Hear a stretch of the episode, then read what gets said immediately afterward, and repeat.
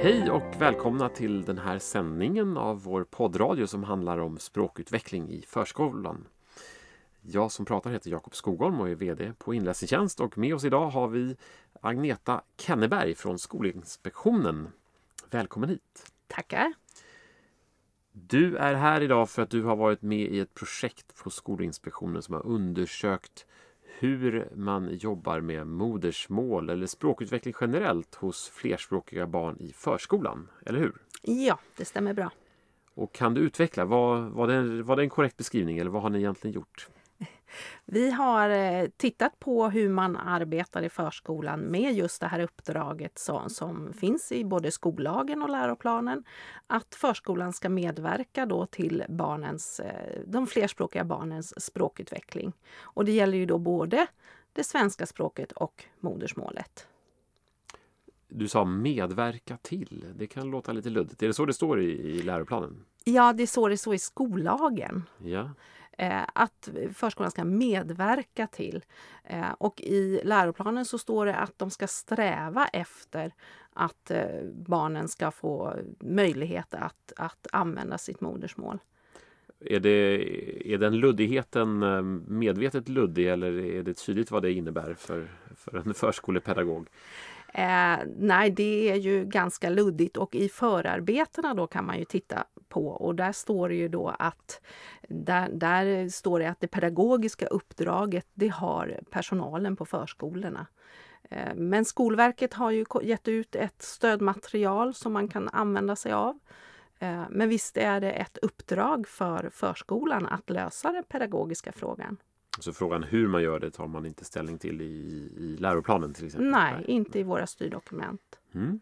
Och den här målgruppen vi pratar om, alltså flerspråkiga barn, hur stor är den? Har du någon uppfattning? Ja, idag säger man ju att eh, det var femte barn i förskolan har fler än ett språk. Eh, och eh, det är en ganska stor andel. Och det kan handla då givetvis om både nyanlända barn men också sådana som faktiskt har vuxit upp och, och kanske andra generationens eh, invandrare i någon form. Ja, det är ingen skillnad utan det, det gäller alla barnen. Mm. Okej, och den här rapporten som ni har tagit fram den, den publicerades under våren här någon gång 2017. Eh, vad är de stora mm, slutsatserna? Vad har ni sett? Det, det, stora generella slutsatsen som vi såg det är ju att det är ju lättare att arbeta med språkutveckling i svenska för de här barnen eh, än det är att medverka då till att de utvecklar sitt modersmål. Eh, vi ser ju också att det saknas eh, förutsättningar, strategier. Det saknas tid för personalen att eh, ha möjlighet att kompetensutveckla sig. Det kan till och med finnas brist i kompetens när det gäller hur man ska jobba med uppdraget. Mm. Ja, och det kan ju vara ett, ett svårt uppdrag tänker jag. Eh, om man backar en liten reflektion här eh, kring själva uppdraget som står i läroplanen. Eh, vad, finns det, vad finns det för teorier bakom att det här är viktigt att jobba med modersmålet? Vet du, varför tänker man att modersmålet är viktigt? Varför tänker man inte bara att svenska språket är viktigt? Forskningen visar ju att, att barn som utvecklar båda sina, eller flera språk, man kan ha fler modersmål också, eh, men att det är viktigt att man eh, gör det parallellt och att det stärker ju både det svenska språket men också modersmålet eh, om man jobbar parallellt. Ja, okej. Okay. Och um, du sa att ni hade hittat sett en del tendenser här då i, i er undersökning, i er rapport. Har du lite statistik kring det? Hur, hur, uh, ja, hur ser det ut där ute? ja, ja, det var ju eh, ett 23 eh, av 34 förskolor. Jag kommer inte ihåg nu. Ungefär 23 av 34? Ja, ja som eh, exakt så hur många det var utan det är ju då generellt som vi ser eh, hur, hur det har sett ut. Att det är just fler som jobbar med det svenska språket än med modersmålet. Men det vi har sett är ju annars i, i vår eh, enkät som vi skickar ut till både förskolepersonal eh, föräldrar eh, och eh, där vi har sett att det är en ganska stor andel. Vi har 19 000 svar och resultatet visar då att det är nästan 60 procent som bara i låg utsträckning eller inte alls känner till barnens språkbakgrund. Eh, och varannan, ungefär 50 procent alltså, svarar att barnen i låg utsträckning uppmuntras att använda alla sina språk. Vilket då är ett av uppdragen. Och låg utsträckning betyder ingen utsträckning? Nästan inte alls. Nej, okay. Så att ungefär hälften av barnen i förskolorna som borde få en stimulans i sitt modersmål får inte det. Ja. Det är slutsatsen. Ja. Ja, men det låter som vi har någonting att ta tag i helt enkelt. Det är bra.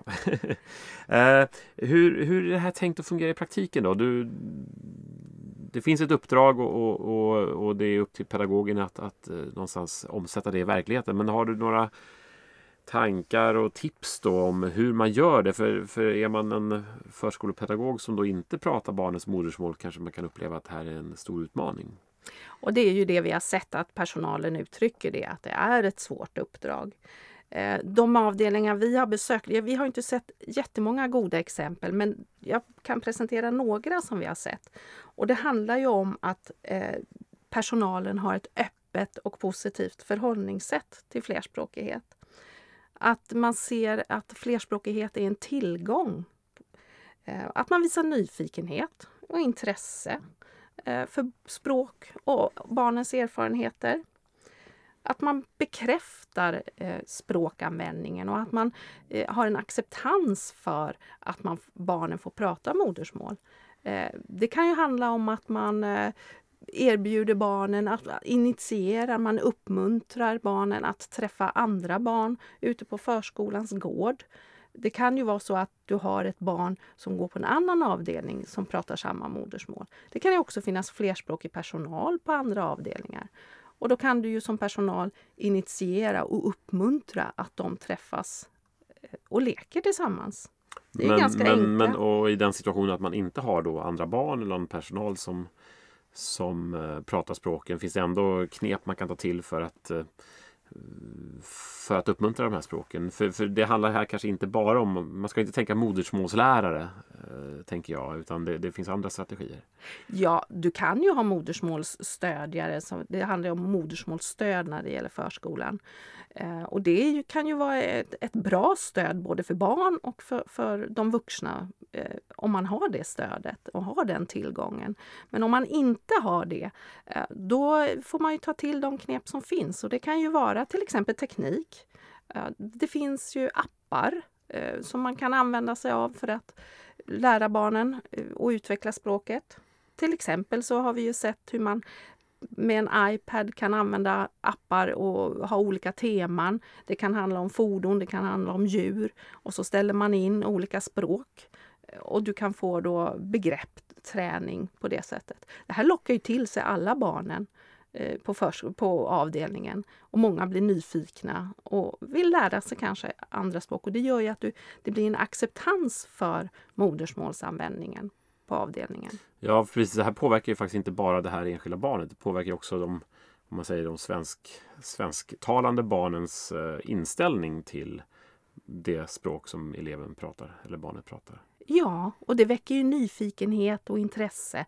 Och att man använder dem i, i vardagliga situationer. Vi har ju alla de här rutinsituationerna med påklädning i hallen, vid måltiderna. Att man då frågar efter vad, vad heter glas och tallrik på, på ditt modersmål. Och det är klart att det väcker nyfikenhet hos de andra barnen också. Och de kanske också vill lära sig. Och det gör ju att det blir en acceptans för, för modersmål. Och sådana frågor kan man ju ställa även om man själv inte kan modersmålet, tänker jag då. Ja, ja om du är nyfiken. Ju, ja, precis. precis.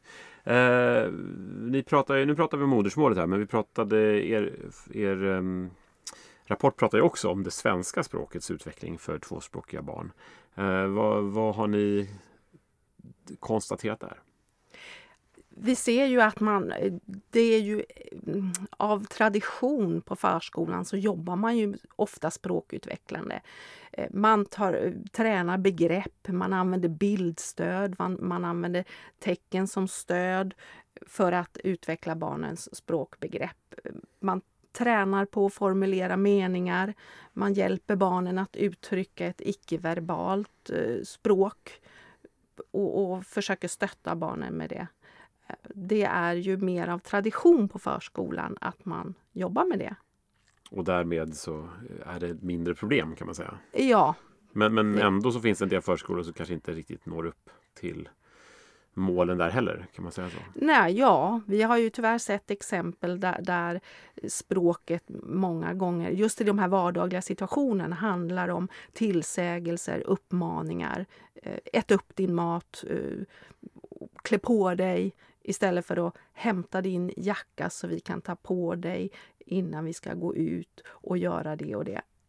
Man kan ju utveckla språket. Mm. Okej, om, om, man vänder på den här frågan lite grann. För att lyckas då, ett, en del är att ha idéer och metoder. Men för att komma dit, vad krävs det av organisationer? Om man tänker förskolan som, som en organisatorisk enhet. Vad har ni för tips och eh, iakttagelser där? Det vi har tittat på är eh, att huvudmannen, då, det kan ju vara både kommunala eller enskilda huvudmän, att man har strategier, att det finns mål och visioner för hur ska man jobba med modersmål. Eh, att man eh, har förskolechefen ser till att det finns kompetens, möjlighet till kompetensutveckling.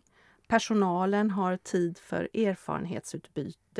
Att det finns tid helt enkelt för att organisera arbetet. Men för att göra allt det här så måste man ju ha en kompetens och personalen måste känna till uppdraget. Och där handlar det om att eh, förskolechefer måste förankra uppdraget. Man måste helt enkelt prata om det. Ja. Ha, avslutningsvis då, jag vet att ni nämner det i rapporten lite grann om föräldrarnas påverkan eller involvering i detta. Vad, vad, hur går tankarna där? Hur kan man lyckas med det?